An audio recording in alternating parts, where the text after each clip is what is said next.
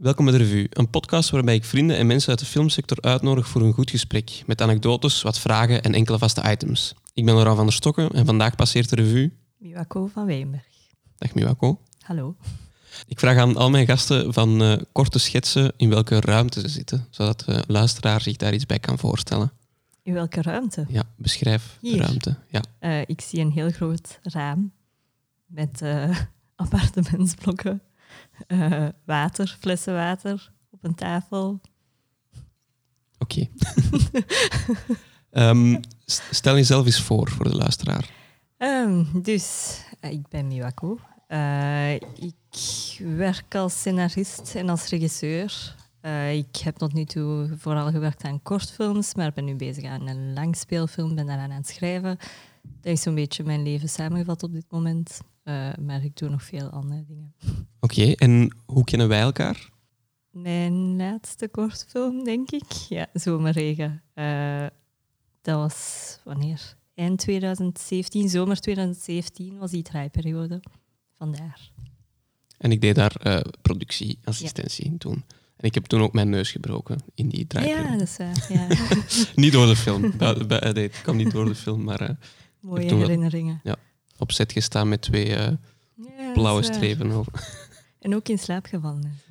Ja, ja, op niet cruciale momenten moet ik er ook bij zeggen. um, we gaan meteen in, onze, in ons eerste segmentje springen en dat noemt nostalgie. En de podcast heeft nog geen jingles, dus ik vraag altijd aan mijn uh, gasten van een korte jingle in te spreken voor het segmentje nostalgie. Dat mag um, heel kort zijn. Een korte jingle nostalgie? Ja. Mag dat ook heel vaag zijn? Ja. Dan ga ik dat nostalgie noemen. Oké, okay, top. um, en mijn eerste vraag bij nostalgie is: wat is jouw eerste cinema-ervaring die je u kunt herinneren? Uh, eerste cinema-ervaring was blijkbaar niet zo positief voor mij. Ik herinner mij daar niet veel van, want als kind haatte ik de cinema. Ik vond dat verschrikkelijk. Dat is luid. Uh, dat beweegt veel. Dus, dat was allemaal een beetje te veel voor mij. Ik vond dat maar lastig. Dus ik herinner mij daar niet veel van, maar ik keek wel naar Ghibli-films. Ik ben half Japans en ik ben een beetje opgegroeid met zo'n mix van Ghibli en Disney. Zo'n mooie mix van de twee. Dus ja, Ghibli-films zit ergens zo in het begin van de cinema-ervaring. En dan vreemd genoeg, de eerste niet-kinderfilm die ik ooit zag was Daans. Vrij heftig. ik denk dat ik toen acht, negen was. En ik vond film toen niet leuk, maar bewegende beelden, het concept sprak mij wel aan. En dat was mijn meester op school die mij een uh, videocassette van Dans gaf. Ik weet niet hoe pedagogisch verantwoord dat is als, als je acht bent, maar ik heb die toen gezien en dat was, dat was heftig. Dat kan ik me wel inbeelden. En die, en die eerste cinema-ervaring dat je, die niet zo positief was, welke film... Weet je nog welke film dat, dat was? Geen idee. Nee. Ik denk dat mijn ouders mij één keer uit de cinema hebben moeten allee, weg sleuren omdat ik het gewoon echt niet aan kan en dat ik gewoon mijn ogen dicht had en mijn oren was aan het dichtknijpen. En dan heeft een kind niet al te veel aan cinema natuurlijk. Nee, dat is waar. ja, film, film die, die voor u dan zo'n negatieve connotatie heeft. En weet je dan nog bij welke film dat die een omslag zo is gekomen? Uh, geen idee eigenlijk. Want, hey, jawel, ik weet het wel, maar het is geen film. Ah, oké. Okay. Want ik heb nooit echt naar... naar als kind heb ik nooit naar film gekeken. Dat sprak mij dus gewoon niet aan, omdat het te luid was en zo allemaal. Dat was ook ja, zo een raar concept van stil te zitten. Uh, maar rond mijn dertiende, denk ik, ben ik verslaafd geraakt aan Japanse reclamefilmpjes. Dus als kind zat ik altijd tien maanden in België en in de zomer twee maanden in Japan. En daar keek ik heel veel tv bij mijn oma thuis. Uh, maar ik keek eigenlijk vooral naar de reclamefilmpjes. Dus ik was zo het vreemde kind dat naar de film kijkt en wacht tot als de reclame begint. En als de reclame eindigt, is dat oh, weer wachten. dus ik was helemaal verslaafd aan Japanse reclame. En zo de absurde korte reclamefilmpjes die dat ook zo wel wat overwaaien tot in België op YouTube en zo. Maar ik was daar helemaal verslaafd aan. Ik ben toen aan mijn oma beginnen vragen om mijn VHS-cassettes vol reclame door te sturen. Dus in plaats van dat zij tv-programma's opnam, had zij acht uur aan cassettes van puur gewoon reclame. Dat moet verschrikkelijk zijn geweest om dat op te nemen voor haar. Maar ze heeft dat wel bijna maandelijk opgestuurd en ik keek in België gewoon uren reclame. En ik vond dat fantastisch. En dan is het daar ergens omgeslagen, vermoed ik. Want dan op mijn veertiende had ik ineens zoiets van, ik ga dat maken. Ik ga reclamefilmpjes maken. En dat is, allee, zo het idee van, ik ga dat maken, is eigenlijk gekomen voor, ah, ik vind dit leuk. Ik kijk hier graag naar. Dus ineens heb ik een gans jaar op de kunstacademie waar ik zat gespendeerd aan een heel vaag reclamefilmpje. Maar echt heel vaag. Ik vond ook geen acteurs, dus ik heb zelf zes of zeven rollen gespeeld. Uh, een kerstman, twee rendieren, uh, een familie die tv zit te kijken en ook al die familieleden. Dat was allemaal Miwako, Miwako, Miwako, Miwako. Dus ja, ik ben dat beginnen maken. Dus ik vermoed dat ik daar wel film leuk vond, denk ik. En kijkt je nu nog steeds veel reclame dan? Nee. Dus ooit op een stoppunt gekomen dan? Oh, ik heb dat reclamefilmpje gemaakt, dat was heel leuk. Uh, en ik heb dan echt zitten opzoeken van hoe lang mag een reclamefilmpje zijn. Uh, want ja, ik moest dat tonen voor de tentoonstelling van de academie en zo. Ik had dat opgezocht. Dat was, ik weet het niet meer wat dat, dat toen was, maar er, was, er waren twee versies. Je mocht een kort en een lang. En ik vond eigenlijk dat lang leuker. En dan dacht ik, oh, maar dat lang dat is nog altijd kort. Dat is nog altijd maar 30 seconden. En dat is eigenlijk het heel simpele idee geweest van, oh, kon ik maar iets maken dat langer is dan 30 seconden? En zo even nadenken en dan, hé, hey, film is langer dan 30 seconden. Ik ga film maken. Dus daar is die overgang blijkbaar gebeurd. Want tot dan was ik vooral als kind bezig met verhalen schrijven en gedichten schrijven en zo. Dus eigenlijk is dat wel een logische overgang. Het was gewoon op een heel rare manier gebeurd. Ik vermoed dat je de laatste tijd wel meer naar de cinema gaat dan vroeger dan. Beetje meer. Um, wat is zo de, de laatste film dat je gezien hebt? De laatste. Uh, ah, ik heb in de cinematheek voor de twintigste keer of zo op het groot scherm Tokyo Story van Ozu gezien. Ik ga die elk jaar zien en hij wordt elk jaar gewoon beter. En wat spreekt u daar specifiek in aan? Uh, ik heb die film vroeger voor het eerst gezien toen ik had gehoord via mijn mama dat dat dorp waarin dat die film is gezet, Onomichi, het geboortedorp van mijn opa in Japan is. Dus dat is ook mijn officieel geboortedorp. Maar eigenlijk is dat niet waar, want ik ben in Jette geboren. Maar officieel op mijn Japans paspoort ben ik van Onomichi. Maar ik was daar nog nooit geweest, omdat ik in Japan in Tokio ben opgegroeid. Maar Tokyo Story is dus gezet in Onomichi en in Tokio. Dat zijn zo die twee plaatsen in Japan die voor mij een beetje thuis zijn in Japan. En met die setting had ik die film ooit eens bekeken. En ja, dat was prachtig. En nog altijd kan ik niet echt exact zeggen wat ik er zo mooi aan vind. Want ik moet elke keer ook soms wel lachen met hoe dat die spelen. Ik weet niet of dat, dat overkomt in de ondertiteling soms, maar die kunnen zo overdreven acteren als in het stereotype goed zijn. Is één vrouw daarin die is gewoon door en door goed. En die lacht altijd en die is altijd perfect. En ja, het, het gaat er zo over, maar het is zo mooi. Beetje guilty pleasure ergens ook dan? Ja, half. Half waarschijnlijk. En voor mij is het lang geleden dat ik hem heb gezien. Wat is de laatste film buiten Tokyo Story die u ontroerd heeft? Uh, laatste film die mij heeft ontroerd? Uh, Sparrows. Dat is een film van 2013, 14, 15. Ik weet het eigenlijk niet. Uh, maar van, hoe noemt hij, Runar Runarsson, de IJslandse regisseur. Ik heb op Filmfest Gent Echo gezien, zijn laatste langspeelfilm. En dat was gigantisch fragmentarisch en zo prachtig. En ik vond dat een heel fascinerende film en ik ga heel vaak opzoeken wat dat iemand zijn debuutfilm was. En zijn debuutfilm was The Sparrows. En dat was heel heftig, heel zwaar. Uh, en ik wist op dat moment niet echt of ik het goed of slecht vond, maar het heeft mij wel van alles gedaan. Dus dat hoort bij ontroering, denk ik. Heb je concrete regisseurs of acteurs die u inspireren? Ja. uh, regisseur, sowieso Koreeda, Japanse regisseur Koreeda en nog een Japanner, uh, Kitano Takeshi. Die twee, dat zijn zo'n beetje mijn grote, grote helden van de film. Eh, Hanabi van Kitano Takeshi bijvoorbeeld is eh, mijn nummer één heilige film. En ik denk dat ik die voor het eerst heb gezien toen ik 15, 16 was. Dus zo'n 10, 11 jaar geleden. En ik bekijk die sindsdien één keer per maand. Dus ik, ja, die film heeft iets speciaals voor mij. En al die zijn films eigenlijk. En sommige, vooral bij Kitano Takeshi, die heeft sommige films die echt totaal... Allee, een beetje zot geworden, denk ik, toen hij die was aan het maken. Maar ook die, allee, alles bij het hele totaalpakket. Daar ben ik fan van. Oké, is een regisseur dat ik dan eens ga opzoeken. Want Koreeda ken ik, maar Ja. de andere... Ja, het is zo, die staat heel bekend voor eh Yakuza-films. Maar van die maffiafilms, maar waarbij dat totaal niet gaat over het gewelddadige, maar over de mensen die dat in die positie zijn beland en hun familieleven en zo bijvoorbeeld.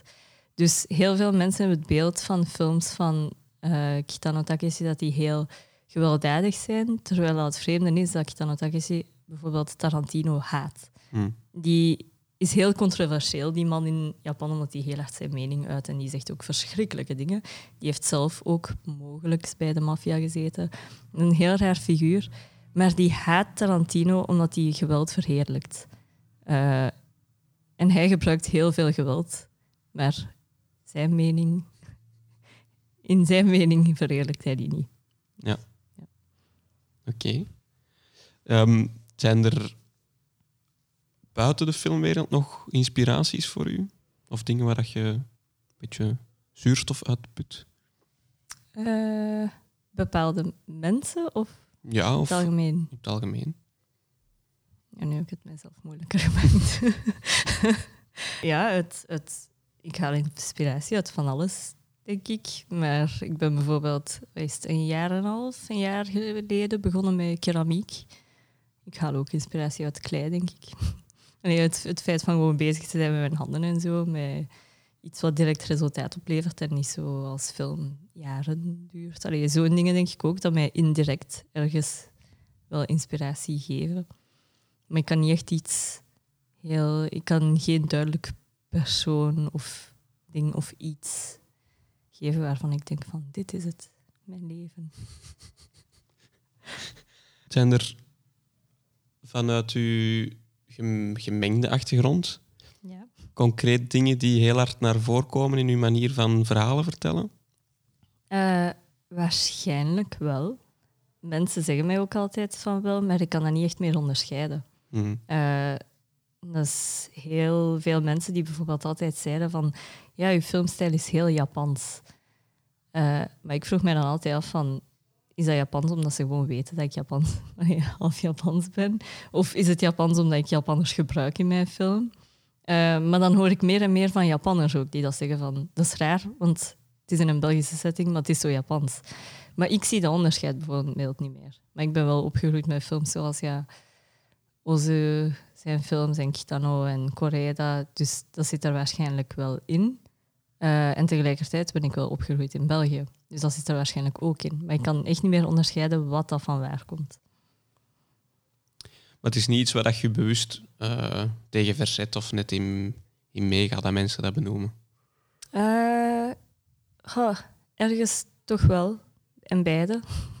Want eh, het is natuurlijk ja, het is een wereld die dat ik zelf goed ken. Ik schrijf heel veel over een setting waarin dat bijvoorbeeld het hoofdpersonage half Japans, half Belgisch. Dat is gewoon omdat dat een is die dat ik goed ken. Ik, heb, begin niet met het idee van en nu ga ik eens iets maken over halve Japanners. Ja, zo begin ik er niet aan. Ik heb ook niet de intentie om een gans verhaal te gaan schrijven over diversiteit en cultuurverschillen en dat het daarover gaat. Maar het zit er gewoon altijd in.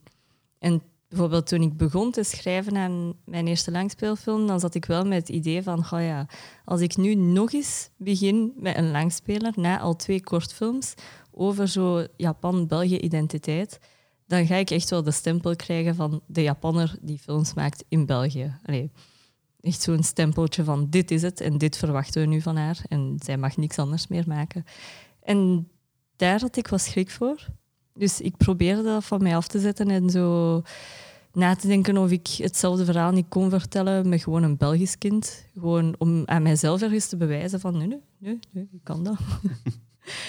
maar dan heb ik ook gewoon ingezien dat dat stom zou zijn om dat te doen. Want ik schrijf gewoon uit wat ik zelf goed ken. En ik kan dat gewoon niet forceren om dat te veranderen. En ik ga waarschijnlijk ooit ook wel andere dingen schrijven.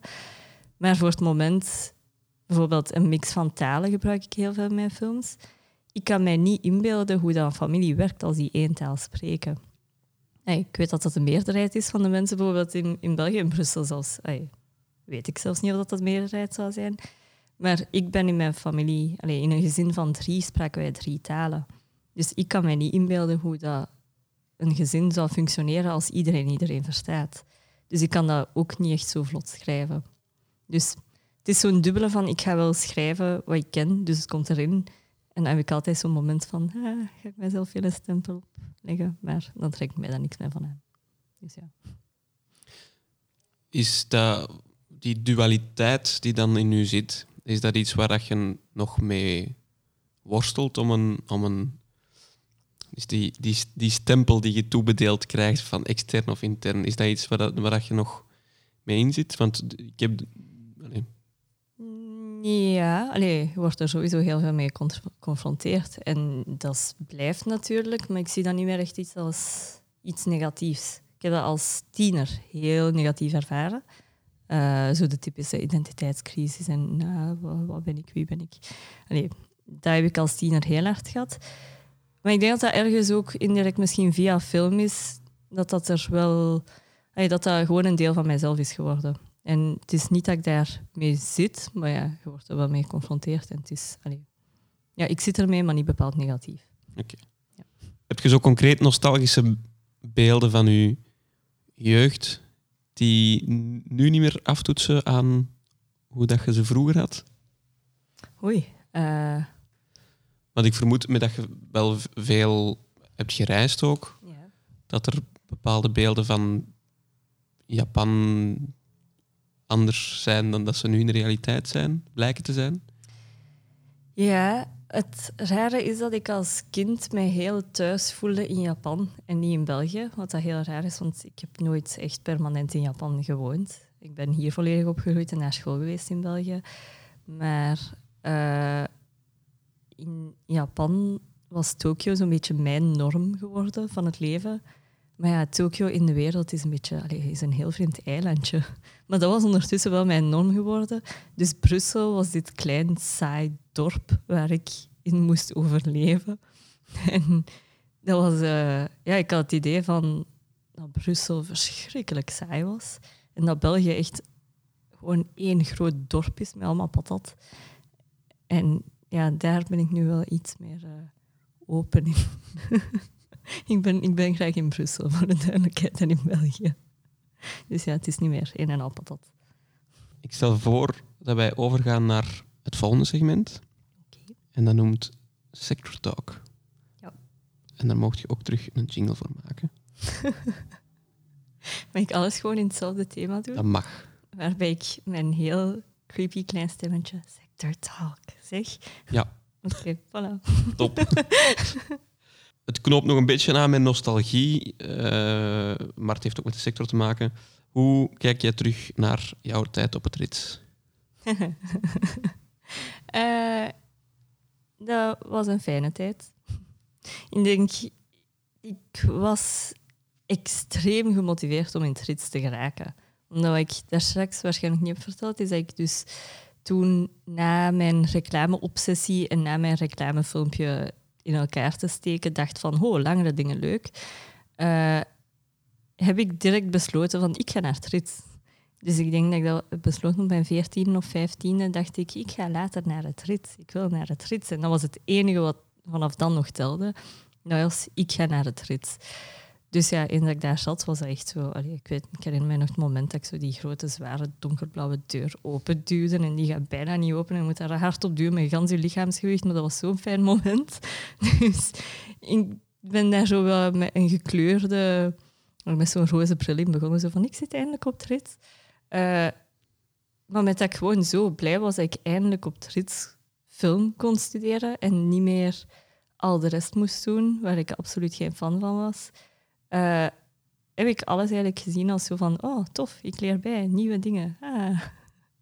En mij niet te veel vragen gesteld bij, bij al de rest. Uh, dus dat was, dat was eigenlijk heel fijn om zo ja, daar vier jaar lang te zitten met het idee van ik leer bij, dit is leuk. was eigenlijk zo'n hele... Ineens was ik een, op dat vlak een heel optimistisch klein kindje geworden.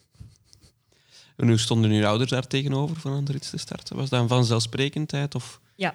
ja, mijn ouders zijn allebei muzikanten, professioneel muzikanten. Dus uh, ja, die weten natuurlijk wat het uh, is om iets te doen wat dan niet echt voor de hand ligt, maar wat je gewoon heel graag wilt doen. Het grappige is dat mijn ouders uh, absoluut niet wouden dat ik muzikant zou worden. Want ik krijg die, heel vraag, allez, ik krijg die vraag heel vaak. Uh, vooral omdat mijn moeder Japans is. Zo het Aziatische stereotype geval van willen uw ouders niet dat jij in hun voetsporen gaat treden. Mijn ouders wilden dat dus absoluut niet omdat zij heel hard hebben afgezien als muzikant en niet wouden dat ik dat ook moest doen. En dan komt kleine Miwako af met ik wil film doen. Dus ja, hun plan is grandioos gefaald. Maar die hadden dan wel iets van, oké ja, uh, we gaan hen daarin steunen. En uh, ik was ook veel te koppig of dat zij daar ooit iets op zouden hebben kunnen gezegd, denk ik. Dus ja, mijn ouders hebben daar altijd volledig achter gestaan. En voor zo'n gezin dat zo geworteld is in muziek, in welke mate draagt je dat nog mee in je films? Of uh, het rare is dat ik tot Zomerregen geen enkele noot muziek heb gebruikt in mijn films. En zelfs in Zomerregen uh, geen soundtrack of zo. Enkel film... Allee, in de film dus is dat zich daarin afspeelt. En dat waren dan cd's van mijn ouders. Dus ja, die muziek daar, allee, muziek en film voor mij, dat zit helemaal niet samen. Uh, maar wat ik wel soms denk, is dat bijvoorbeeld mijn ouders heel uh, gevoelig zijn aan geluid en muziek en zo over het algemeen, omdat die daar zo ja, diep in geworteld zitten. Mijn papa die kan amper op restaurant, want op restaurant staat er muziek op. Die kan, die kan niet gaan winkelen. Die, kan, allee, die is heel gevoelig aan muziek. En ik denk dat ik daarvan misschien ook ergens wel heb dat ik juist veel meer met die stiltes ga werken. Want mijn ouders zijn wel muzikanten, maar juist daarom stond er bijvoorbeeld bij ons thuis nooit radio of muziek op. Dat was nooit iets, want ja, dan wouden die zichzelf niet aandoen om dan nog eens bezig te zijn met muziek en geluiden. En... Dus ja, ik denk dat hey, ironisch genoeg net die stiltes wat heb meegekregen uit het feit dat mijn ouders muzikanten zijn. Ja, dat is ook. Allee, dat is net zo interessant hè, hoe dat een stilte misschien eens te meer kan vertellen als mm ja. dik beladen muziek. Of, uh.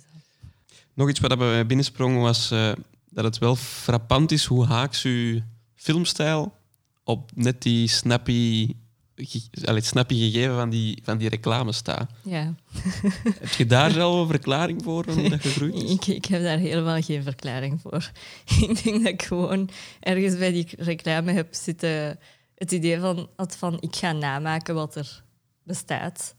En dan bij film tot het besef ben gekomen van ja, dat, dat gaat niet. en de verhalen die ik zo schreef als kind, uh, ja, dat was ook niet het heel... Uh, er waren geen verhalen van er was eens een rooskonijn. En, allee, ja, dat was eigenlijk heel donker. Dat was heel, uh, ik was niet echt het meest vrolijke kind op vlak van mijn verhalen, denk ik. Dus ja, ik denk dat dat gewoon daaruit komt dat ik film en reclame nooit... Allee, hoewel mijn brein zo'n vreemde logica had van ah, film, de langere versie van reclame, heb ik dat ergens ook niet als iets in dezelfde tak gezien. Dat zijn altijd twee aparte dingen geweest, denk ik. Heb je bepaalde dingen waar je als regisseur aan vasthoudt. Um, zoals bijvoorbeeld hoe, hoe, dat je, hoe gaat je bijvoorbeeld met je acteurs om? Zet je daar losser in? Is voor u is acteren spelen of is acteren uitvoeren? Oh. Ja, ik kan, kan dat niet echt vergelijken. Ik weet, ik weet niet echt hoe dat andere is. maar uh, ik werk eigenlijk altijd met kinderen in hoofdrol. Dat is geen bewuste keuze, maar dat gebeurt gewoon altijd. Dus ik denk wel dat mijn ervaringen sowieso anders zijn, omdat ik altijd kinderen regisseer. En daardoor vind ik volwassenen regisseren soms moeilijker, omdat die daar echt zijn aan het werken. Eh, terwijl dat, dat voor de meeste mensen, meeste regisseurs wel juist het gemakkelijke is. Dat die meer weten wat dat ze doen, dat, dat, meer, dat je meer kunt samenwerken op die manier en dat kinderen meer zoiets is van, ah, je hebt dat niet in de hand. Maar ja, ik ben net die kinderen gewend. Dus dan is dat meer van wat babbelen. wat, allee, dan is dat echt meer van, allee, we gaan eens iets doen. We gaan eens spelen. We gaan eens iets nadoen. Allee, zo, met dat kind communiceer ik alsof dat, dat een volwassene is. Maar ik regisseer die natuurlijk niet als een uh, professionele volwassen acteur. En ik vermoed dat ik dat ook wel zal doortrekken naar uh, mijn wel volwassen, wel professionele acteurs. Omdat ik dat gewoon zo gewend ben om met die kinderen te werken. Maar wat dat mijn stijl is, dat weet ik juist niet. Um, en hoe gaat je om met, met beeld? Um, Zet jij iemand die heel hard dingen vastlokt? Of gaat jij met je DOP nog... Uh, geef je dat meer uit handen? Of is dat iets waar je zelf wel... Uh, ik denk ik over het algemeen... Allee, bijvoorbeeld bij zomerregen hebben wij heel, uh, heel uitgebreid voorbereid. dus de DOP en ik hebben heel lang heel uh, duidelijk zitten decouperen. Dus dat alles eigenlijk, alles stond vast. Ja, dat was hoe dat de montage gewoon zou zijn. Ook vrij specifieke shots, waarin dat je niet al te veel kon spelen ook. Dus het was niet echt het klassieke shot-tegenshot bijvoorbeeld. Dus dat was extreem voorbereid en echt, dat was volledig samenwerken. Uh, maar ik denk dat ik het daardoor opzet gemakkelijker uit handen durf te geven ook. Nou, als je zoveel hebt samen zitten voorbereiden, dan vertrouwt je die op je ook natuurlijk. En dan vertrouwt je dat hij de keuzes gaat maken die dat, die dat in functie van de film ook de keuzes zijn die dat ik zou maken. Dus ja, het is zo'n balans tussen heel hard samenwerken en niks uit handen willen geven tijdens de voorbereiding en dan eigenlijk vertrouwen en alles loslaten. Met dat uw films vaak, of bijna altijd, kinderen uh, in de hoofdrol hebben, Um, in welke mate beoogt je ook een jonger doelpubliek voor je films? Uh, niet echt bewust. Ik weet dat, uh, ik weet dat bijvoorbeeld mijn films soms soort geselecteerd op festivals in van die kinderfilms, jeugdfilms, uh, segmenten eigenlijk van het festival. En dat is altijd fijn natuurlijk. ik vind het altijd heel fijn omdat jongeren en kinderen zijn zo'n eerlijk publiek die gaan zich echt niet aan om te laten merken als ze het doodsaai vinden. Of als ze iets hilarisch vinden op een moment waar eigenlijk totaal niet grappig is. Dus ik vind dat een heel fijn, eerlijk publiek. Maar ik maak het helemaal niet met dat publiek in gedachten. Dat absoluut niet. En uh, het ding is natuurlijk, je kunt films met kinderen hebben die er absoluut niet voor kinderen zijn, omdat daar andere dingen in die film zitten, andere elementen die, dat gewoon, ja, die dat je niet kunt tonen aan kinderen. Dat is bij mij niet het geval. Dat is over het algemeen, omdat ik zo dicht bij dat kind blijf in mijn films, zit ik vrij veel in die leefwereld. Dus het is wel vaak een moeilijke lijn tussen het is de leefwereld, maar het is niet het publiek. Maar dus niet bewust, maar het gebeurt wel. Ja, dat, wat je nu aanhaalt van die leefwereld van dat kind is denk ik nog het mooiste geïllustreerd in Zomerregen dan, omdat je daar echt um, bijna, drast, ja, ik zou bijna drastische beslissingen hebt gemaakt voor effectief uh, bepaalde dingen niet te tonen waar het kind niet mee bezig is op dat moment. Ja, dus als ik schrijf, denk ik daar ook eigenlijk niet aan. Allee, zit dan met dat kind en dan denk ik, ik weet dat niet. ja, het kind denkt van alles van wat er zou kunnen gaande zijn. Maar ja, als het kind het niet weet, dan moet de kijker het ook niet weten. Allee, ja, dat is hoe ik het schrijf. Voor, ja, ik vermoed voor die kinderen specifiek dan, hoe, hoe pakt jij castings juist aan? ja, ik heb het mijzelf nooit echt gemakkelijk gemaakt met castings. Want mijn eerste kortfilm was een Japans kind in België. En dat was ook vrij specifiek. Die moest ongeveer tien zijn. Allee, jongen, moet natuurlijk passen. Dan mijn masterfilm was een tweeling. Uh, die een bepaalde leeftijd moest hebben ook. Allee, die moesten twaalf zijn of twaalf kunnen spelen. Uh, identieke tweeling ook. Dus ja, ook niet simpel. En dan nu, voor zomerregen was dat een half Japanse jongen die ook twee talen moest kunnen. En, allez, ik maak het mezelf elke keer zo een, stapje moeilijker. Dus dat blijkt zo'n hobby te zijn van mij ondertussen.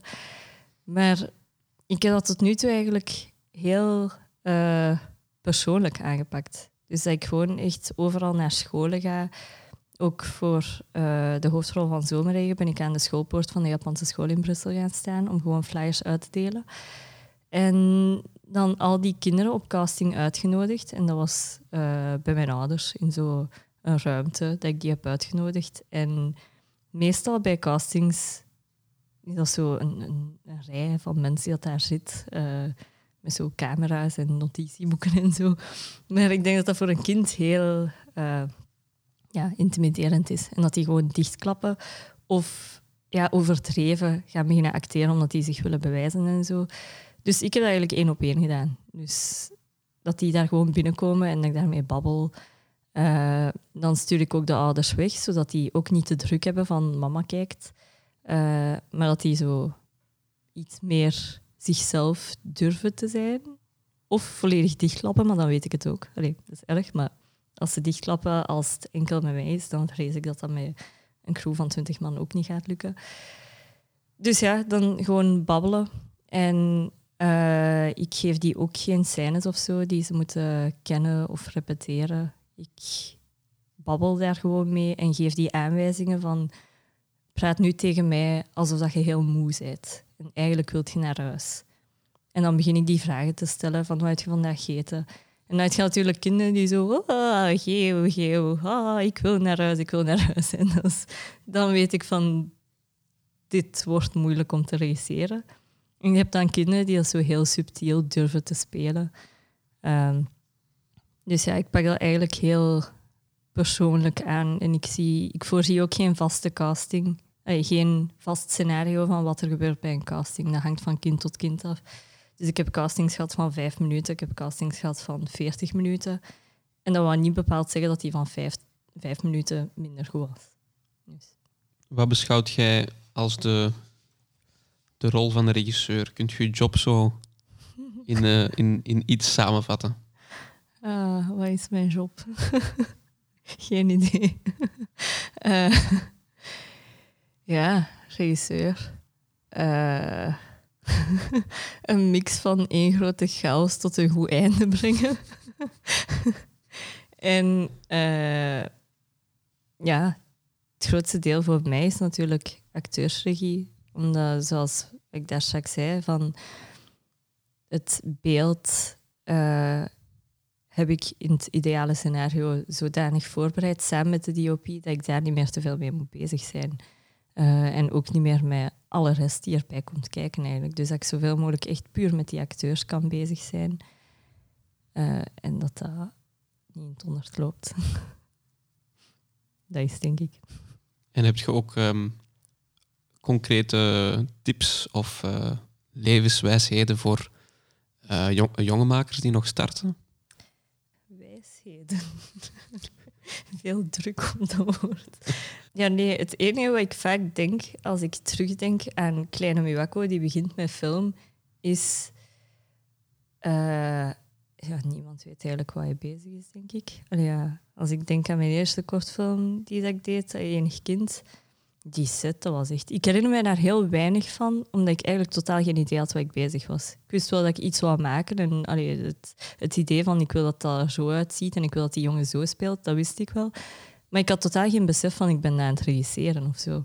Het was gewoon zo van, eh, ik zou dat eens willen zien als die jongen zo doet. En dan wordt dat opgenomen en dan zeg ik kut en dan was die film. Dat was iets heel vaags. Maar ik weet eigenlijk totaal niet waar ik bezig was.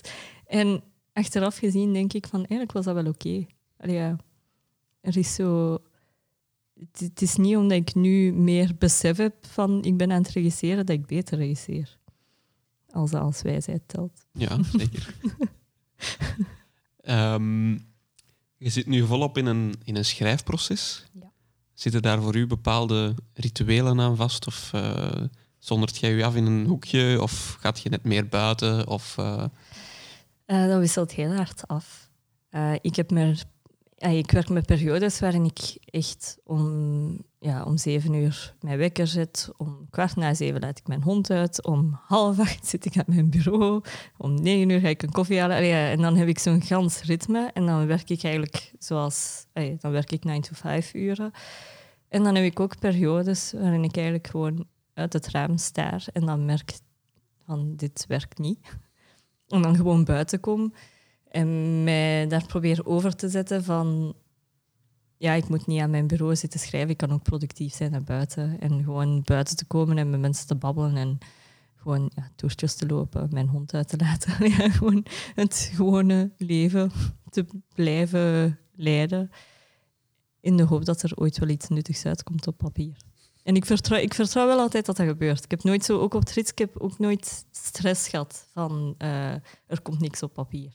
Ik weet nog dat heel veel mensen rond mij zo extreem waren aan het schrijven. En ik was maar zo'n beetje aan het rondstaren. elke dag vragen mensen van, en hoe gaat het met je solo? En ik dacht, oh ja, ik heb een blanco blad en ik wandel veel. maar ja, ik vertrouw mijn eigen ritme dat ik soms in pieken werk. Dus dat ik heel lang een blanco blad kan hebben en dan ineens op vijf dagen een gans scenario uitschrijf. Dus ja, dat varieert gewoon heel hard, maar ik vertrouw mijzelf dat dat wel op zijn poten terechtkomt. En zet je een digitale schrijver of een analoge schrijver? uh, beide. Want ik heb thuis twee bureaus. Dat is een heel neurotisch trekje van mij dat ik twee aparte bureaus heb gezet in mijn kamer. Eén is waar ik analoog aan werk en daar schrijf ik gewoon ideeën en zo op en ik, ja, ik kribbel op papier. En dan heb ik eigenlijk de druk niet van ik ben hier een scenario aan het schrijven. Dan ben ik gewoon wat notities aan het maken en tekeningen aan het maken. En dan maakt dat eigenlijk allemaal niet uit. En dan heb ik daar zo'n beetje ja, een veilige omgeving waarin ik alles mag doen. En waarin ik ook heel slechte dingen mag schrijven. En dan heb ik mijn tweede bureau waar enkel mijn laptop op staat. En daar schrijf ik digitaal aan. En als ik daaraan schrijf, is dat niet meer van ideeën en nadenken, maar echt het uitschrijven. En voor mij helpt dat wel als ik die twee dingen echt, als ik daar een heel duidelijke lijn tussen trek. Want ik neem mijn notitieboek ook niet mee naar mijn laptop. Ik heb daar zo heel strenge neurotische regeltjes op in het schrijfproces heb je natuurlijk, allez, dat duurt best lang in onze sector. Um, hoe gaat je om met bepaalde onzekerheden qua werk en uh, ja, die dingen? Um, niet. Negeren en doordoen. ik, denk dat, ik denk dat dat echt is. Van, uh, hoe meer dat ik ga denken aan die onzekerheden en, en hoe en wat en wat, ga ik gewoon ergens in een put zakken en nooit meer schrijven. dus van alles wat dat gedacht boven komt, denk ik, hm, nee, nee, nee, nee, nee, alles oké. en gewoon verder schrijven. En ik denk dat dat echt, voor mij is dat de enige. Ik kan daar niet mee bezig zijn. Dus, ja. dus de, de eeuwige optimist op dat vlak dan? Ja, maar eigenlijk ben ik gewoon een pessimist die probeert om optimistisch te zijn. Dus soms is dat zo heel... zo van alles dat in mijn hoofd naar boven komt. En ik niet zoiets van nee, nee, nee, nee, nee, nee, nee, nee, nee, nee, nee, dat gaan we niet doen. Niet denken, niet denken. La, Ondertussen zit je natuurlijk wel aan het denken. Maar ik denk dat het ding vooral is van uh, zo pessimistisch zijn als ik maar wil, maar optimistisch verder schrijven, zeker. Dat is, dat is ook een manier, ja. Nee, zeker. Um, ik ga even inspringen op iets dat je zei als je binnenkwam. Ja. Uh, gaat het over de, vliegtuigposters op de muur? uh, vliegtuigen komen ook terug in de zomerregen. Ja. Is er daar een lijn die ik moet zien? Um, ja, de vraag is of er een lijn is die ik moet zien, want ik weet het niet. Want uh, ik had eigenlijk bijna vliegangst toen ik aan zomerregen begon te schrijven. Ik vond vliegtuigen wel altijd fijn. Allee, ja, zo'n grote brokken metaal in de lucht, ik vind dat wel fascinerend. Maar verder, allee, ja, vond dat maar zoiets vaag. Allee, ja, geen fan van. Uh, maar dan heb ik zomerregen geschreven en ik ben zodanig in dat personage gekropen dat ik zelf een beetje een obsessie voor vliegtuigen heb gekweekt. Ik ben heel veel vliegtuigen gaan kijken op Zaventem. Uh, dat was heel fijn. En ik was dat onlangs nog aan iemand aan het uitleggen dat dat zo fijn was dat ik het nu zo'n beetje terug heb. En ik ga deze week terug vliegtuigen gaan spotten, want Zaventem heeft twee nieuwe spottersplaatsen. dus ja, ik heb zo'n obsessie voor vliegtuigen gekweekt gewoon via mijn personage. Dus dat is zo'n beetje met een rare omweg gelopen. Dus, en nu nog altijd, ja, ik ben zo hard bezig geweest met die vliegtuigen dat ik dat niet kan loslaten. Je hebt waarschijnlijk dan The Wind Rises gezien? Ja. Van Ghibli? Ja. Wat vond je van die film? Uh, heel mooi. maar ik herinner mij daar niet zoveel van. Allee, ja, jawel, ik herinner mij zo de fascinatie van uh, dat kind tegenover zo die grote vliegende machines. En ik weet wel nog dat ik die ergens rond zomerregen had gezien en dat ik toen ook dacht van... "Goh, eigenlijk is dat toch zoiets... Allee, dat is het prachtige kindse van zo op te kijken naar zo'n gigantisch iets. Omdat je dat gewoon als kind bijna niet kunt vatten. Dat er zo'n grote blok metaal zweeft. Allee, ja. Zoiets. Want ik weet voor mijzelf ook nog het moment dat ik de grootste vliegangst van mijn leven had, is dat er een vriendin naast mij in het vliegtuig zat. En die had nog niet zo vaak het vliegtuig genomen. En voor mij was dat zo wel wat routine geworden, omdat ik heel vaak Japan-België op en af was aan het vliegen. En die zei toen van, oh, Miwako, dat is toch zot, wij zitten in zo'n blok metaal, je zou toch denken dat dat neerstort, maar nee, dat blijft vliegen. En toen dacht ik, ja, ja je zou denken dat dat neerstort. dus ja, zo die fascinatie van zo'n kind van, dat kan niet, dat vliegt. En zo het Superman-achtige van dat vliegtuig, dat ook zo'n beetje zit in die, in die film. Nee, dat is zo het schattige kind. zo. Het is, het is mijn favoriete animatiefilm. Ja. Ik weet niet waarom, maar op het moment dat ik hem gezien heb, ben ik ook drie keer naar elkaar in de cinema gaan kijken. En dan zo, ik denk dat dat is zo aan mijn jaarlijkse film waar ik wel op terug Ja, stoot. ja het, is zo, het is zo wel een fijne... Ik vind dat een heel fijne, onschuldige film, maar nog altijd niet... eh ah, zo onschuldig, maar niet naïef of zo. Zijn er momenten op set geweest in uw, in uw kortfilms die er voor u echt uitsprongen als setervaring? Dat je zoiets had van, dit is waarom ik het doe, dit is film? Hmm. Het gaan meerdere momenten. Maar ik denk dat dat vooral van die momenten zijn waarbij ik mijn hoofdrolkind eh regisseer. En dat hij dan iets doet bovenop wat ik allemaal had gezegd van aanwijzingen of zo, waarop ik denk van dit is het, dit is het. Eh, en ik, ja, ik, moet, ik schiet dan bijna in de lach. Ik kan dat zo niet inhouden en dan ben ik zo helemaal, ah, kut. ja, dus het is zo'n mooi moment en ik denk dat dat die momentjes zo zijn. Heb je daar concrete anekdotes van? Heb ik daar anekdotes van? Ik weet bijvoorbeeld bij Zomerregen was er wel een moment waarop dat zo... eh, ja, er was nogal tijdsdruk, zoals dat er wel vaak tijdsdruk is. En het licht zat eigenlijk helemaal nog niet goed. En er was zelfs iets van een gordijntje dat nog niet goed zat en zo in een ziekenhuis. Dat zit heel hard in mijn geheugen, brand dat gordijntje. Maar ik had... Ja, we hadden toen een take gewoon gedraaid. eh wat die even goed kunnen repeteren, maar het was gewoon van, we gaan dat gewoon al eens draaien. En ineens was dat zo perfect hoe dat die jongen dat speelde. Dat, dat, was, dat was perfect. Dat was iets van... Hoe meer dat ik dat zou regisseren, hoe meer dat zou kapot gaan. Dat was gewoon zo perfect. En ik zeg kut en iedereen begint over dat gordijntje, dat dat gordijntje bewoog en zo. Maar ik heb dat gordijntje niet eens zien bewegen, want die jongen was fantastisch. En ik denk dat dat zo'n moment was waarop ik zoiets had van... Ik heb volle vertrouwen in, in dat kind. En dan is alles oké eigenlijk. Dus ja. Als, eh, als regisseur die zo uitgebreid heeft voorbereid eh, en de grote beslissingen eigenlijk op voorhand heeft gemaakt, hoe verloopt het montageproces voor jou dan? Blijkbaar ben ik de vreemde regisseur die niet volledig sterft tijdens montage. Ik hoor van heel veel andere mensen dat regisseurs gewoon echt doodgaan tijdens de montage en er niet aankunnen. Maar ja, ik vertrouw mijn monteur ook. Eh, en tuurlijk, er zijn momenten waarop ik denk van dit komt nooit meer goed en, en mijn film is gefaald en dit is totaal niet wat ik, wat ik voor mij zag. Maar ja, omdat er al zoveel dingen vast stonden van in het begin en dat ik niet zoveel vrijheid heb meestal om in de montage nog alles te gaan veranderen, heb ik ook wel meestal ongeveer een beeld op zet van zo gaat het eruit zien. Dus ja, het voordeel is dat ik natuurlijk wel al dat beeld kan hebben nog voordat ik ga monteren. Het nadeel is als dat beeld dat ik voor ogen had niet werkt, dan werkt het niet. Eh, dus daar zijn wel zo wat chaos, paniekmomenten geweest tijdens de montage.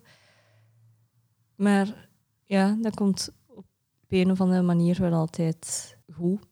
Of beter als wat ik had eh, gedacht tijdens het scenario. Dat ik in montage dingen ontdekt waarvan ik dacht van... "Ha, ik had dat geschreven, maar zelf niet beseft dat ik dat erin had geschreven. dus zo'n momenten. En ja, Tuurlijk, er zijn ook de verschrikkelijke momenten van niks werkt, alles loopt mis, geen goede take, alles in de vuilbak. Maar ja, over het algemeen, nee, ik denk dat is terug weer die samenwerking, waarbij dat zo belangrijk is dat ik, dat ik mijn monteur vertrouw. En dat hij natuurlijk ook soms niet weet wat hij bezig is. En dan soms allemaal slechte dingen te gaan proberen, gewoon om te zien van oké, dit is het dus niet. En dan te werken naar wat het dan wel is. Dus ja, dat is, zo'n, dat is een heel raar proces, omdat alles vaststaat. Maar toch nog moet het nog eens helemaal worden geschreven. Dus dat is een, een, raar moment.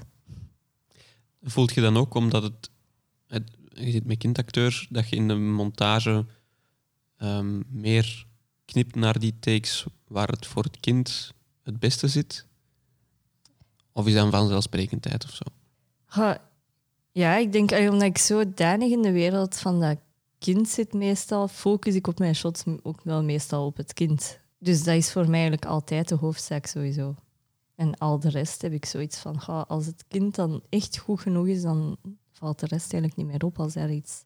Natuurlijk, grote fouten kun je niet zomaar negeren, maar allee, zo kleine dingen zoals continuïteit of een bijrol zegt iets minder goed of zo. Ja, ik denk dat dat allemaal eigenlijk niks uitmaakt zolang dat je kind goed zit. Ja, maar ja, keuzes. En je komt dan uit dat montageproces en je hebt je première voor de eerste keer. Hoe, um, hoe, hoe, voelt dat voor u, een première? Sterven, doodgaan, in de grond zakken, wenen. Alles. Hey, nee, het is, het is heel raar. Ik weet nog, bij Zomerregen was die première zo'n moment van ja, doodgaan, maar tegelijkertijd wel die opluchting van eindelijk is het uit mijn handen. Want het is weg en dat is zo'n beetje ja, uw kind dat zo naar eerste schooldag gaat en je hebt zoiets van maak het niet kapot, maak mijn kind niet kapot, laat het niet vallen. Allee, dat is heel... Maar ja, het is zo'n heel eng gevoel. Uh, en tegelijkertijd is het ding bij de première natuurlijk altijd van... Daar komen veel reacties op, maar bij een première is dat natuurlijk ook... Je hebt heel veel cast en crew en heel veel familie en heel veel mensen die zoiets hebben van we gaan naar een première.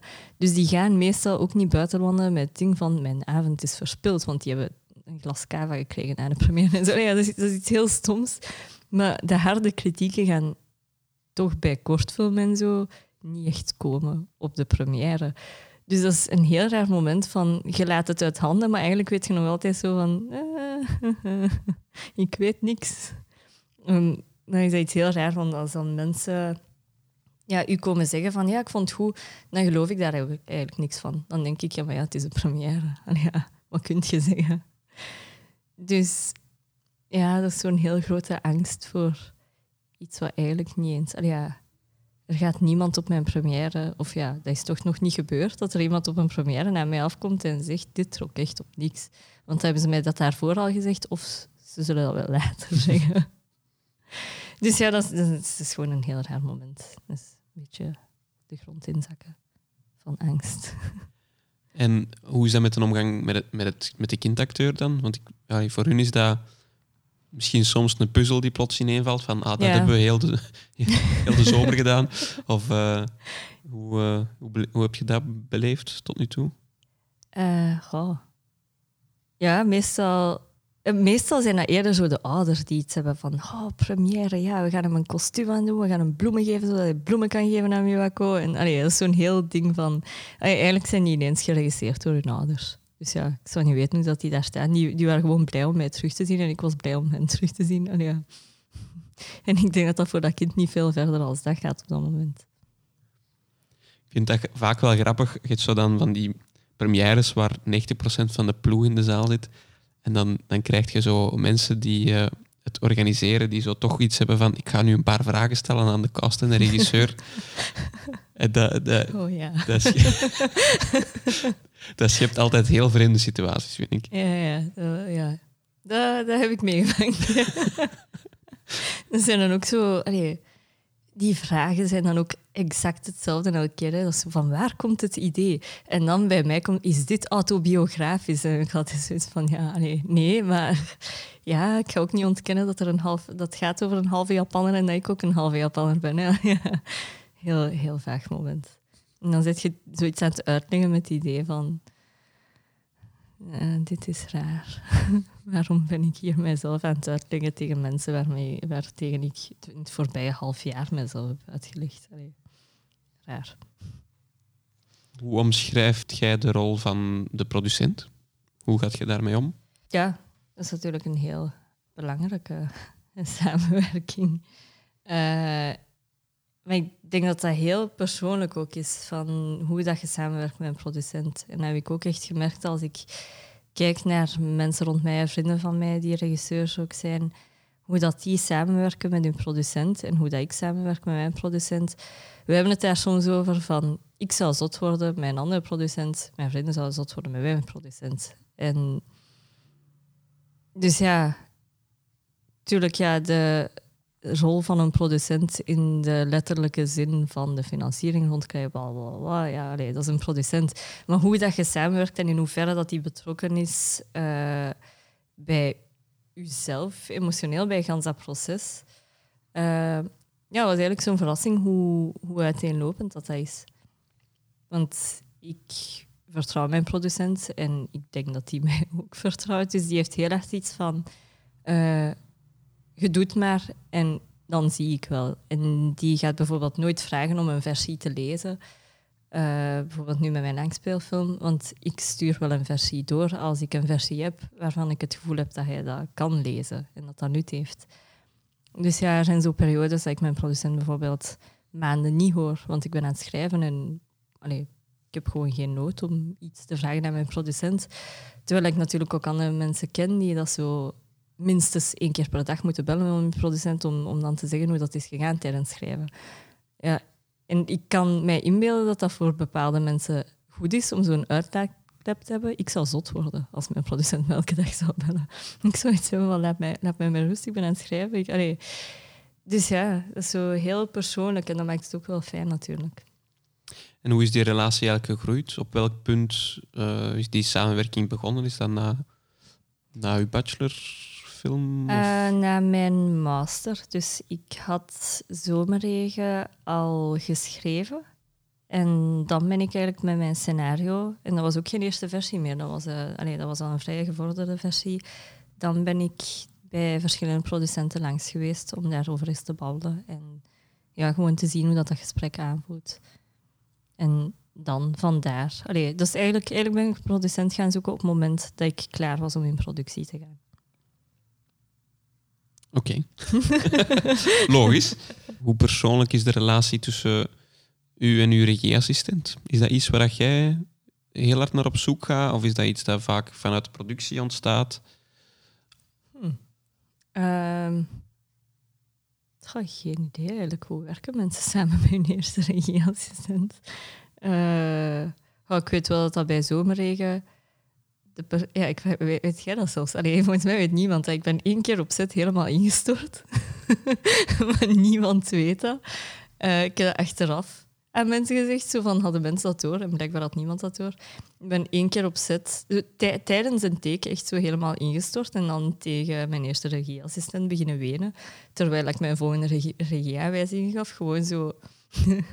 dat moet heel raar zijn geweest, want dat is zo niet eens zo van oh, het gaat even niet meer, maar gewoon regieaanwijzingen blijven geven terwijl ik gewoon ben aan het wenen. dus ja, ik denk dat, dat op die manier is dat wel zo de persoon waarbij ik iets heb van uh, als er één iemand is op set die moet weten dat het niet gaat, dan is de regieassistent. En als hij dat weet, dan moet voor mij niemand anders het weten. En dan kan de rest van de crew gewoon verder blijven werken en niet iets hebben van oei, de regisseur stort in. Uh, want dat is niet echt een fijn beeld, denk ik. Dus ja, op die manier vertrouw ik op set de eerste regieassistent wel heel erg. Maar is dat dan in de zoektocht van de productie, um, ja, hoe moet ik dat benoemen? Die wordt, die wordt dan bij u dan heel vroeg al betrokken? Of, uh, of niet per se? Dat is gewoon een vertrouwenspersoon. Tot nu toe was dat niet per se vroeg. Nee. Nee, ik denk dat dat eerder op zet is. Mij dat dat vertrouwenspersoon daar wordt. En daarvoor, ja, het is natuurlijk fijn als je, als je daarvoor ook al een band hebt. Uh, dat dat vertrouwen niet zo uit het niks uh, moet komen. Gewoon uit het feit van het is de eerste regieassistent, dus ik kan er tegen wenen. Allee, dat dat niet zo is natuurlijk. Maar ja, het is vooral opzet. Alleen voor mij persoonlijk dan toch. Ik vind persoonlijk altijd uh, interessant. Bij het lezen van de biografie van Kurosawa pleit hij heel hard voor het feit dat regieassistenten eigenlijk regisseurs moeten zijn. Omdat Ja. die dan meer eh, mee kunnen nadenken dan puur enkel schema's in hun achterhoofd houden. Mhm. Hoe, eh, hoe kijkt jij daar? Ja, naar? dat denk ik inderdaad ook wel. Eh, ja, je moet natuurlijk weten van als die eerste regieassistent iets heeft van wij kunnen een shot echt niet meer draaien. Ja, je kunt niet zeggen van we gaan, we gaan de close op het kind niet meer draaien. Allee, ja. Dus in die zin denk je, allee, dat is nu een heel vanzelfsprekend voorbeeld, maar in die zin denk ik inderdaad van wel, ja. Want ik had altijd eh, een beetje ehm, vanuit het rits vreemd gevonden dat, er, dat, er, dat de regieassistentieopleiding minder, minder geïntegreerd was met regie dan dat ik zou verwachten. Ja. Ja, dat is waar, maar ik vond het eigenlijk met alle functies wel op het rits. Eh, Ja. Ik heb wel het gevoel dat dat wel iets aan het veranderen de Ja, laatste jaren. absoluut. Ja. Maar ja, dat is eigenlijk wat ik op het rit achteraf gezien wat had gemist, is het feit van eh, sneller samen te werken met DP's, met regieassistenten, productie en zo. Omdat je eigenlijk bij je solo's in het begin nogal leert van doe het allemaal zelf. Eh, en ik denk dat er dan zo twee soorten regisseurs zijn die dat graag alles zelf doen en graag zelf filmen en dat in de hand hebben. Eh, maar ik vind dat verschrikkelijk. Dus als ik dan al mensen had kunnen leren kennen eh, van in zo ja, dat schoolgegeven, ik denk dat je dan natuurlijk gemakkelijker die samenwerking kunt opbouwen. Want de eerste keer dat je samenwerkt met een DOP of de eerste keer dat je samenwerkt met een regieassistent, zit je ook maar aan het zoeken hoe dat je moet communiceren en zo. Is er iets dat je de, de jonge, enthousiaste Miwako nog zou eh, meegeven vanuit uw, uw, eh, uw ervaringen nu? Eh, het leven is niet zo, niet zo donker, hopeloos, verschrikkelijk dakloos als filmmaker, als wat Kleine Miwako dacht. Ja, nee, nee, dat is niet waar. Dat is niet waar. Het leven van een filmmaker kan verschrikkelijk allee, donker en hopeloos en alles zijn. Eh, maar ik denk dat ik er gewoon van was overtuigd van ik ga hier het moeilijke pad op en dat komt nooit goed. Eh, maar ja, kijk, wat doe je eraan? Ik wil filmen. Allee, dat was zo'n heel ja, zo'n zo'n hopeloos pessimistje in mij. En ik zou kleine Miwako zeggen van, "Goh, het is, oké. het is oké, het komt wel goed of het komt niet goed, maar er, er gebeurt wel iets. Je gaat niet gewoon dakloos worden. Oké. ik stel voor ehm, dat wij overgaan naar het volgende segmentje. Ja. Daar mag ook weer een jingle voor komen. En dat segmentje noemt eh, Spotlight. Spotlight. De Spotlight, de Spotlight is een segment waarbij ik mijn gasten vraag van iets, eh, iets voor te brengen. Ja. Eh, wat heb jij voor ons? Wel, ik heb een, eh, ik heb een ding. Ik, ik was zo aan het bladeren door. eh, nee, ik was niet aan het bladeren, want ik moet eerlijk zeggen, ik ben een één grote neuro, neuroot die van alles eh, scans en foto's neemt uit de grote angst dat iets ooit verloren gaat gaan. Dus ik was aan het gaan door mijn Google Drive met mijn scans van kleine Miwako dagboeken. En er was één dat ik tegenkwam waarbij ik dacht van, oh, Miwako.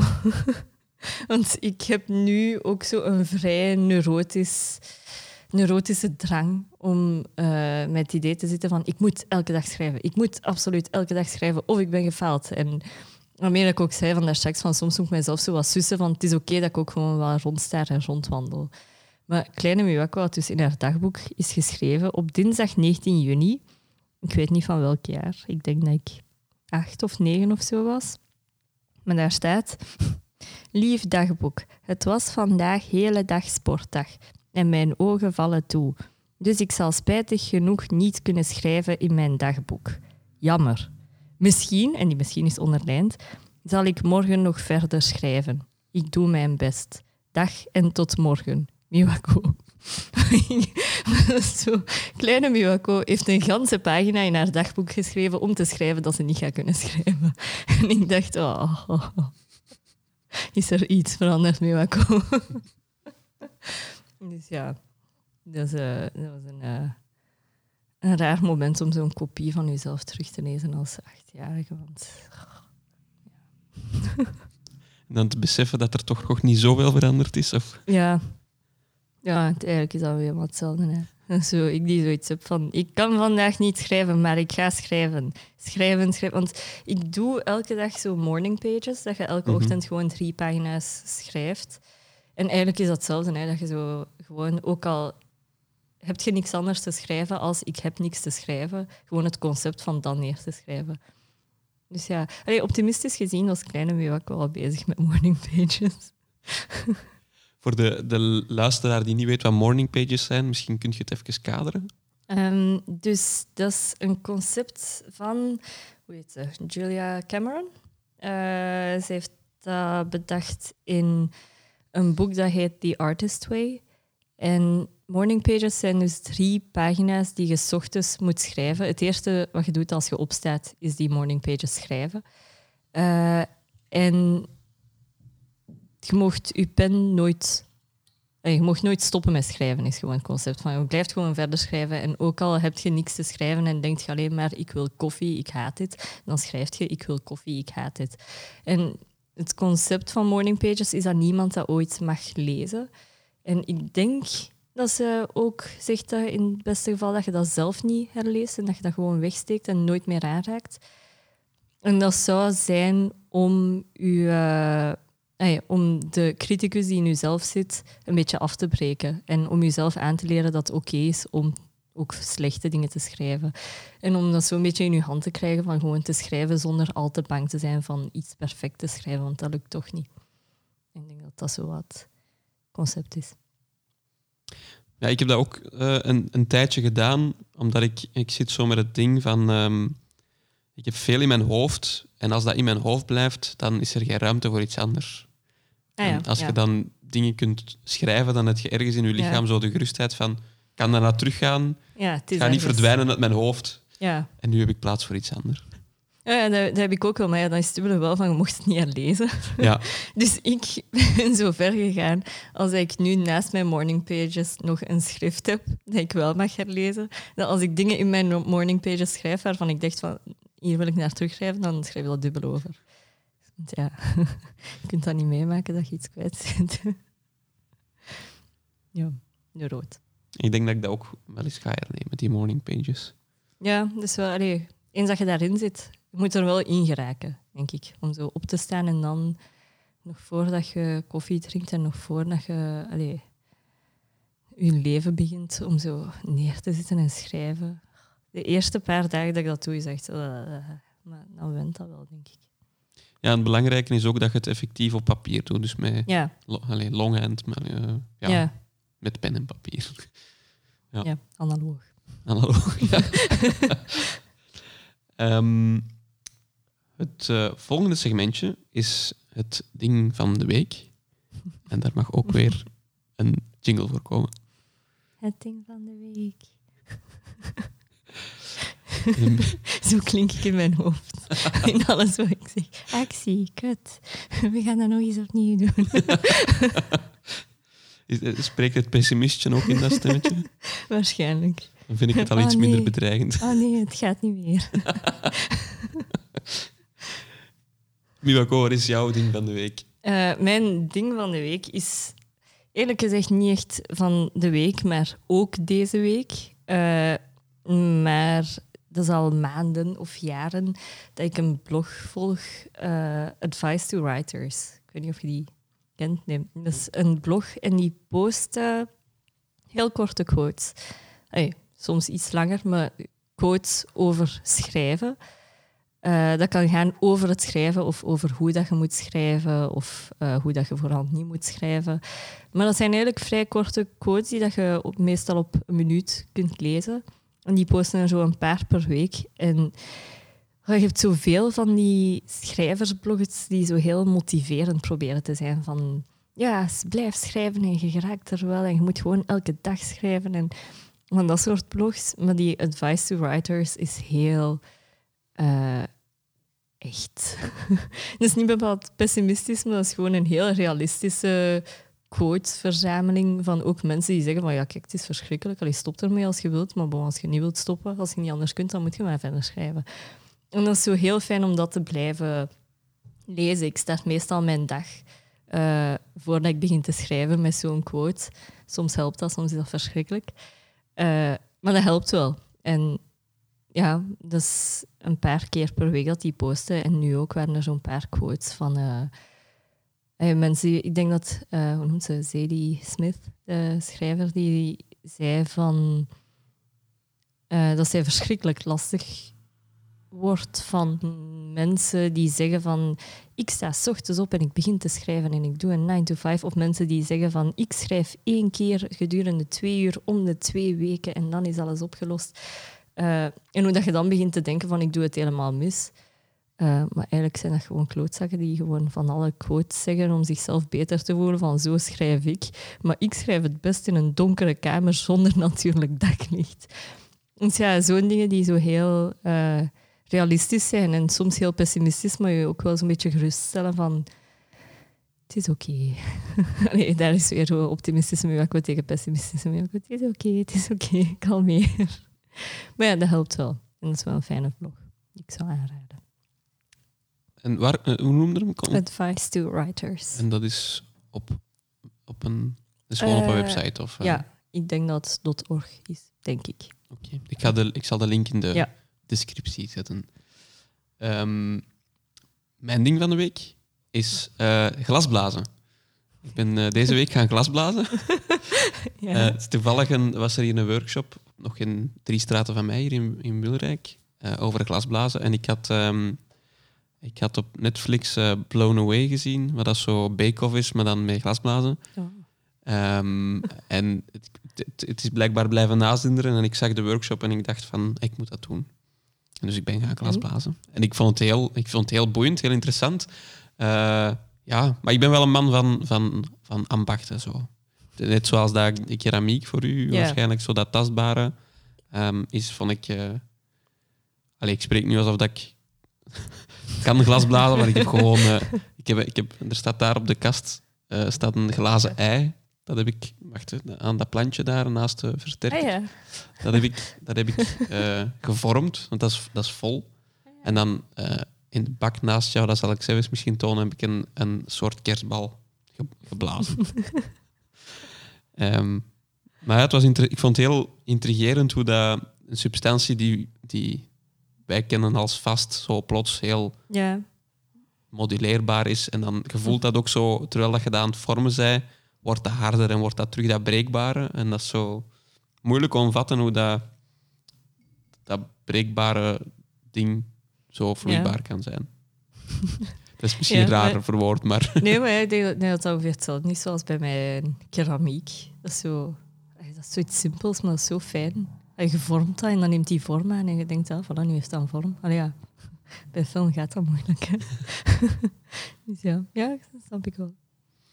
ehm, bij je keramiek is dat, is dat... Heb je daar een concreet doel of doet, is dat een vast patroon waarin dat je dat doet? Of, eh, Eh, ik ben begonnen met keramiek met het idee van als tiener, wou ik dat ook altijd doen. Maar ik heb dat niet gedaan omdat ik filmpjes het maken. Dat is echt de reden van ik wou keramiek doen, maar ja, Bon Aqua maakt rare reclamefilmpjes waarin ze kerstman speelt. Dus dat ging niet. Eh, dus ja, dat was zo'n beetje jeugdsentiment, jeugddroom van we gaan dat nog doen. En dat ik ook heel hard het besef had van ik zit aan mijn bureau te schrijven. En daar stopt het. En alles is in mijn hoofd. Eh, en er is zo niks meer fysiek. Uh, allee, je geeft mij een kamer om te schilderen en dat was ook goed geweest volgens mij. Maar keramiek was net zo iets meer, eh, meer, meer routine ook, denk ik. Want het is, ja, ik heb zo van die periodes dat ik iets heb van en nu ga ik iets doen. En dan zo een, gans, een kamer schilderen of zo. Maar daar heb je dan ook achteraf niks aan. Dat, zo, dat gebeurt dan en dan zit je terug in je hoofd. En nu verplicht mij eigenlijk om één keer per week zo uit mijn hoofd te stappen en met klei te spelen. en dat is wel gewoon fijn om zo daarmee bezig te zijn. En ik denk niet verder na als dit is fijn, dit is leuk. Ik vind wel iets interessant, en dat is een beetje iets dat onze generatie wat mist, is denk ik zo die concrete, tastbare Ja, ja, ambachten en nog dingen waarin dat je concreet kunt groeien en waar dat je die stappen ook kunt zien. Ja, dat was het ook, denk ik. Van zo het ik leer bij en ik verbeter. Want ja, in de laatste jaren, ik zal waarschijnlijk wel beter schrijven. Ik hoop het. Ik, ho- ik hoop het echt. Maar ja, er is niemand die je dat gaat zeggen. Of ja, je, kunt dat zo niet, niet meten. En bij klei is dat natuurlijk, ja, het, is, het is vrij simpel. Hè? Als je klei in twee werd, dan heb je iets misgedaan. Ja, dat kan ook fijn effect hebben, maar dan heb je wel iets misgedaan. En het is zo tastbaar hoe dat je groeit en hoe dat je fouten maakt. En dat is, dat is ook wel fijn, inderdaad. Dat is fijn. Heb jij verder nog iets wat jou bezighoudt buiten klei en schrijven? Eh, buiten klei en schrijven, ik heb heel lang heel veel les gegeven. Eh, workshops, filmcursussen, vlogcursussen, wiskundeles. Eh, heel veel lesgeven aan kinderen en jongeren. En dat was heel fijn. Ik heb dat gedurende twee jaar echt regelmatig gedaan. Eh, maar ik ben daar nu van aan het afstappen, omdat het gewoon heel vermoeiend is. En heel moeilijk te combineren. Eh, maar ja, dat was iets. Ik ben nu de laatste cursus die ik geef aan, ben, aan, ben die aan het afronden. Dat is nog vijf weken. En ja, dat is wel fijn om zo kinderen met film bezig te zien en zo. Maar het neemt, het neemt, ja, het neemt veel energie. Heb je... Hoe lang is het geleden dat je je, je reclameclipje met de rendieren en de kerstman nog hebt gezien? Ehm, ik denk twee jaar. Om de twee jaar kijk ik daar zo eens naar om te lachen.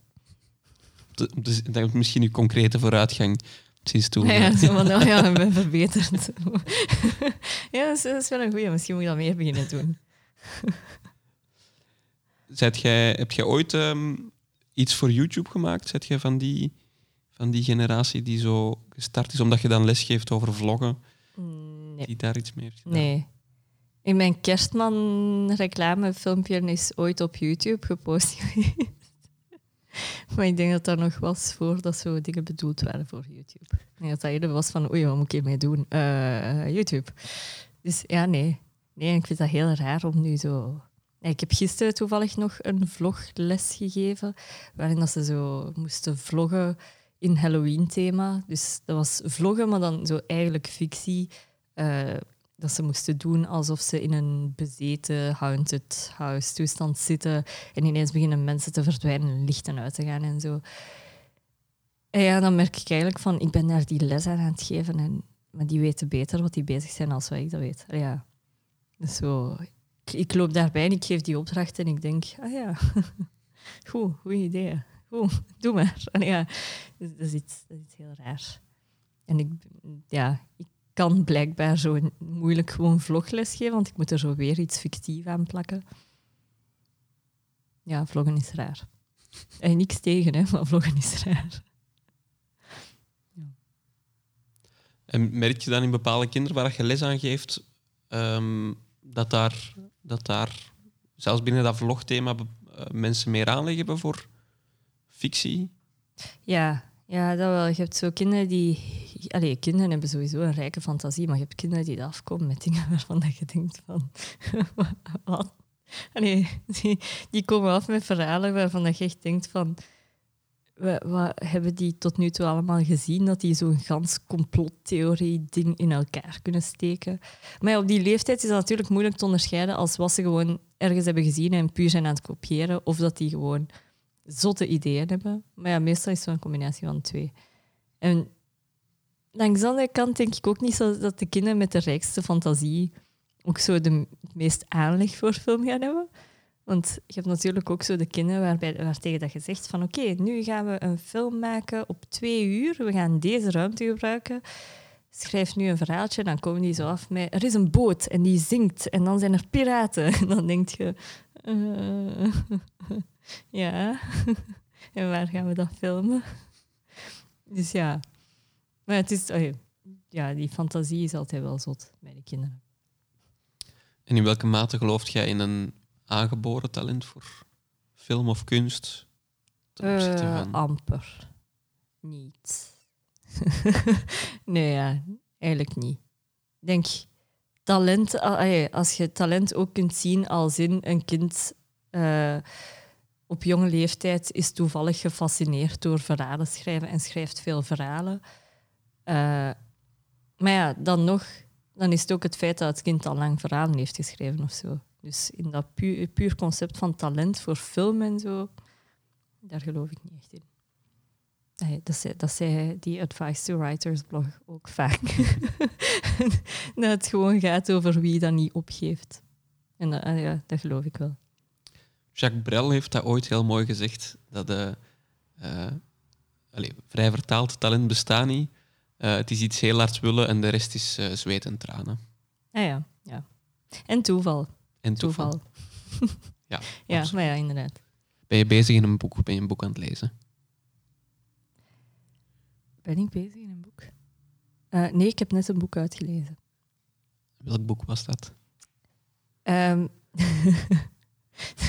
het sluit te mooi aan. Dat was een non-fictieboek en dat heet Wait.